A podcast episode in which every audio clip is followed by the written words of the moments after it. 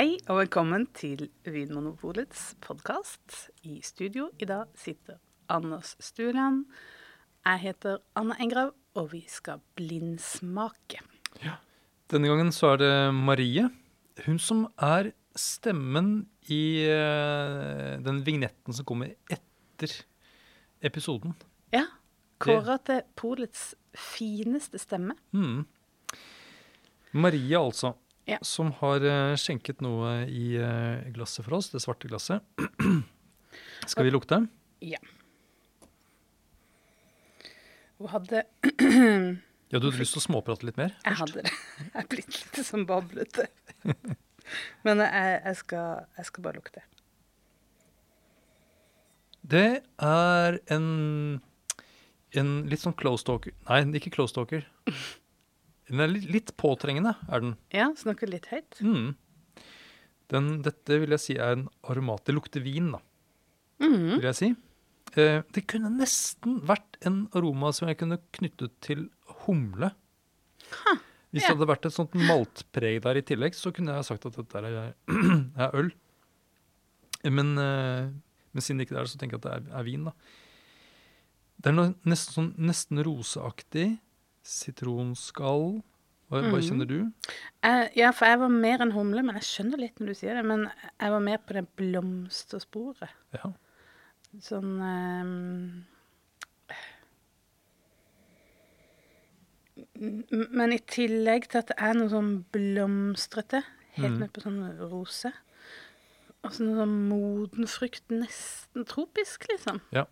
Nesten tropisk, nesten hermetisert. Det er liksom en grenseland mot noe sånn eh, fruktcocktail.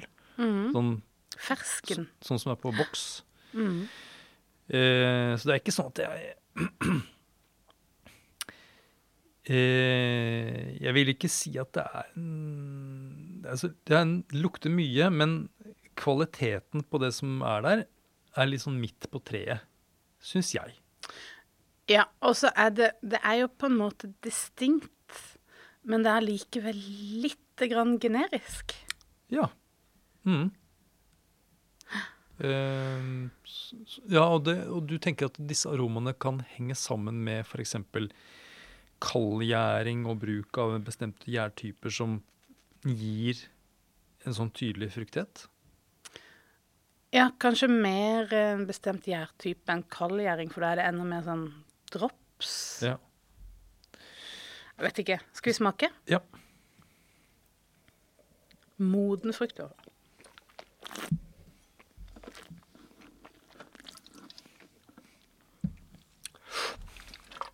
ja, det er en vin uten snerp, i hvert fall. Så det er jo da ikke en, ikke en rødvin.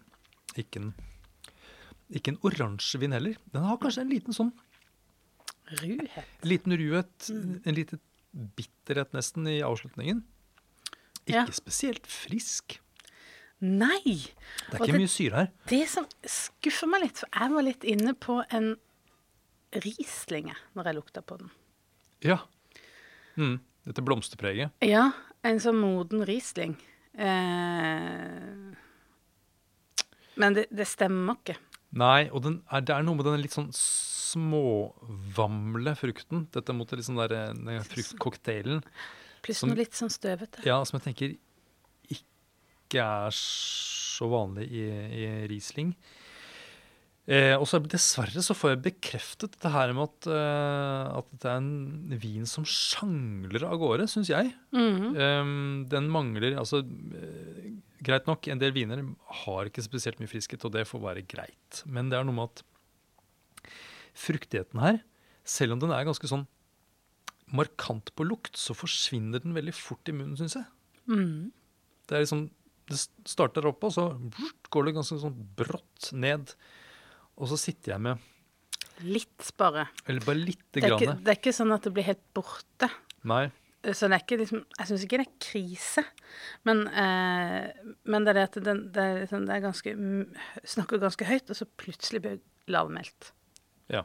Og det er slitsomt. Det er litt slitsomt. Ja. Eh, og, og den der, det, det slutter med noe litt sånn dette litt sånn melen, litt sånn halvsliten frukt.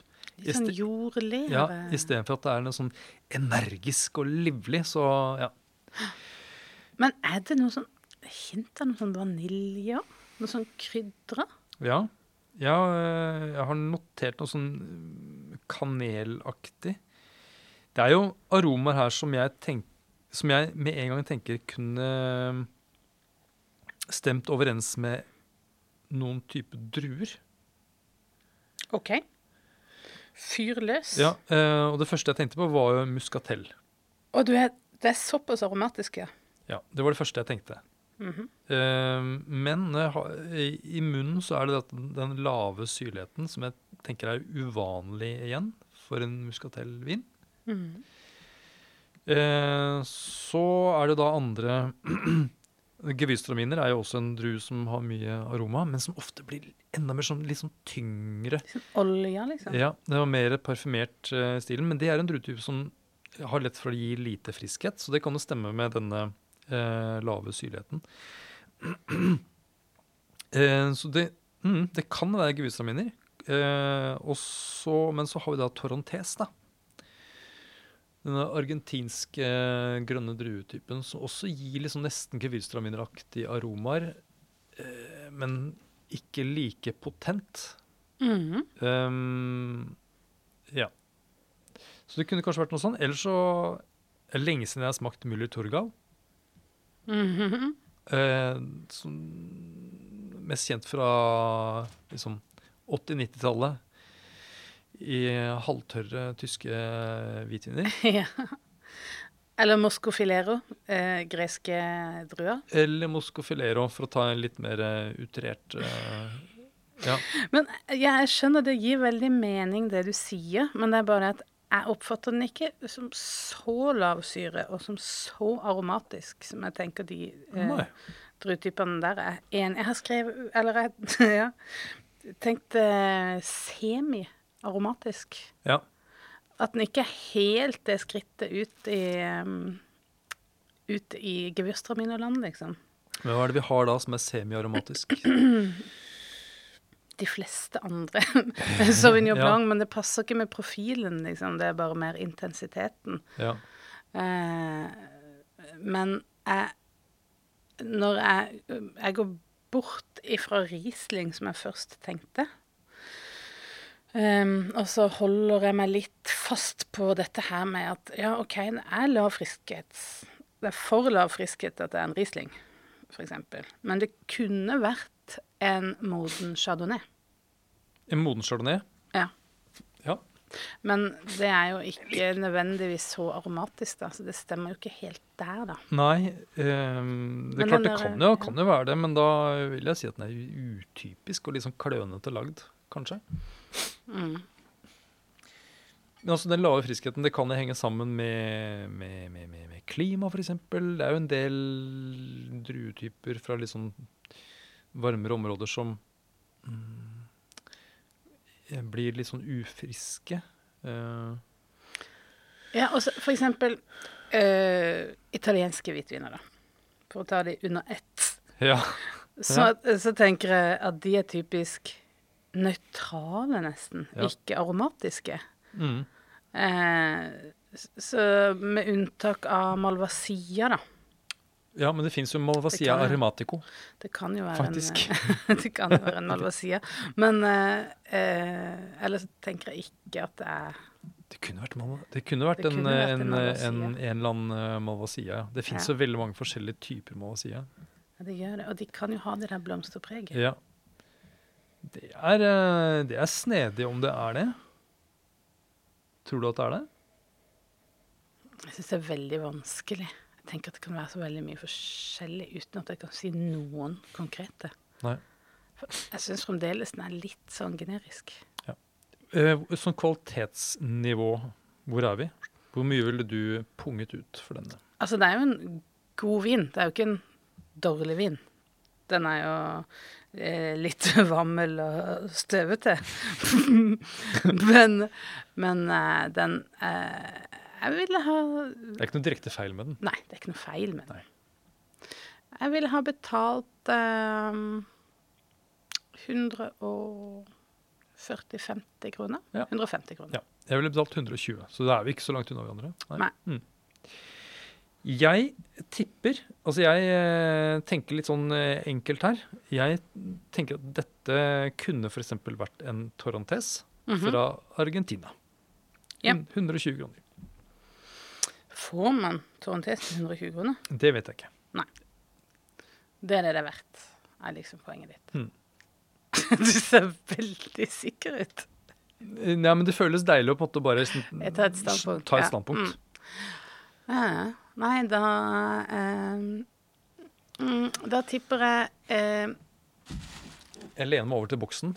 Nå må du bestemme det, jeg jeg tror jeg Nå skal ta et skritt helt ut av det blå. Ja. Eh, eh, eh, Tokai Frulano, 150 kroner. Ah, nettopp. Ja, men det er jo eh, litt spennende. Det er vi i Den er jo ikke så aromatisk. Det er jo feil. Og du er i riktig land. Oi.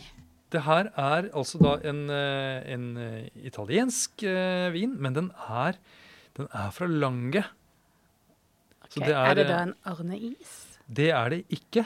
Jeg, eh, jeg tror sånn av eh, av eh, muligheten for alkoholreklame her, så, så kan jeg ikke si hvilken drue det er, for jeg tror ikke det er så mange. Veldig sjelden hvit drue. Det er en litt sjelden hvit drue eh, fra, eh, fra Piemonte. Eh, årgangen sa vi ingenting om når vi smakte, men det er en, en 2020-årgang. Eh, inneholder 13% alkohol. Eh, og den koster vel Over 200. da. over 200 kroner. 200 og Ja, 220 eller noe, er det det? Så det Ja, nei, hva skal vi si om dette? Mm. um, jeg er ikke helt sikker på hva jeg skal si. Jeg syns fremdeles, selv når jeg vet hva det er, så kjenner jeg litt på det der hermetisk fersken um, 250 kroner. Frykten.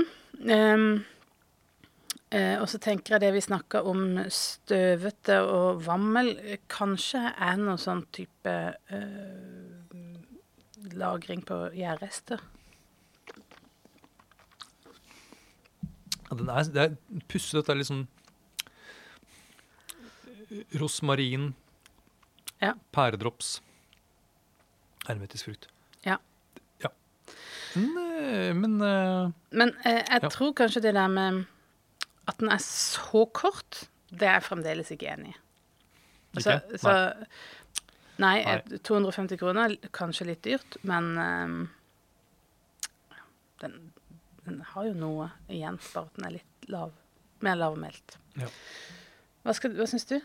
Hva jeg syns? Nei, jeg, eh, jeg syns at eh, de som er interessert i sånne typer viner, de må få lov til å kjøpe den. Greit. Jeg styrer unna. Takk for at du hører på Vinmonopolets podkast. Har du forslag til et tema i podkasten? Send mail til podkast at vinmonopolet.no. I tillegg svarer kundesenteret deg på e-post, chat og telefon.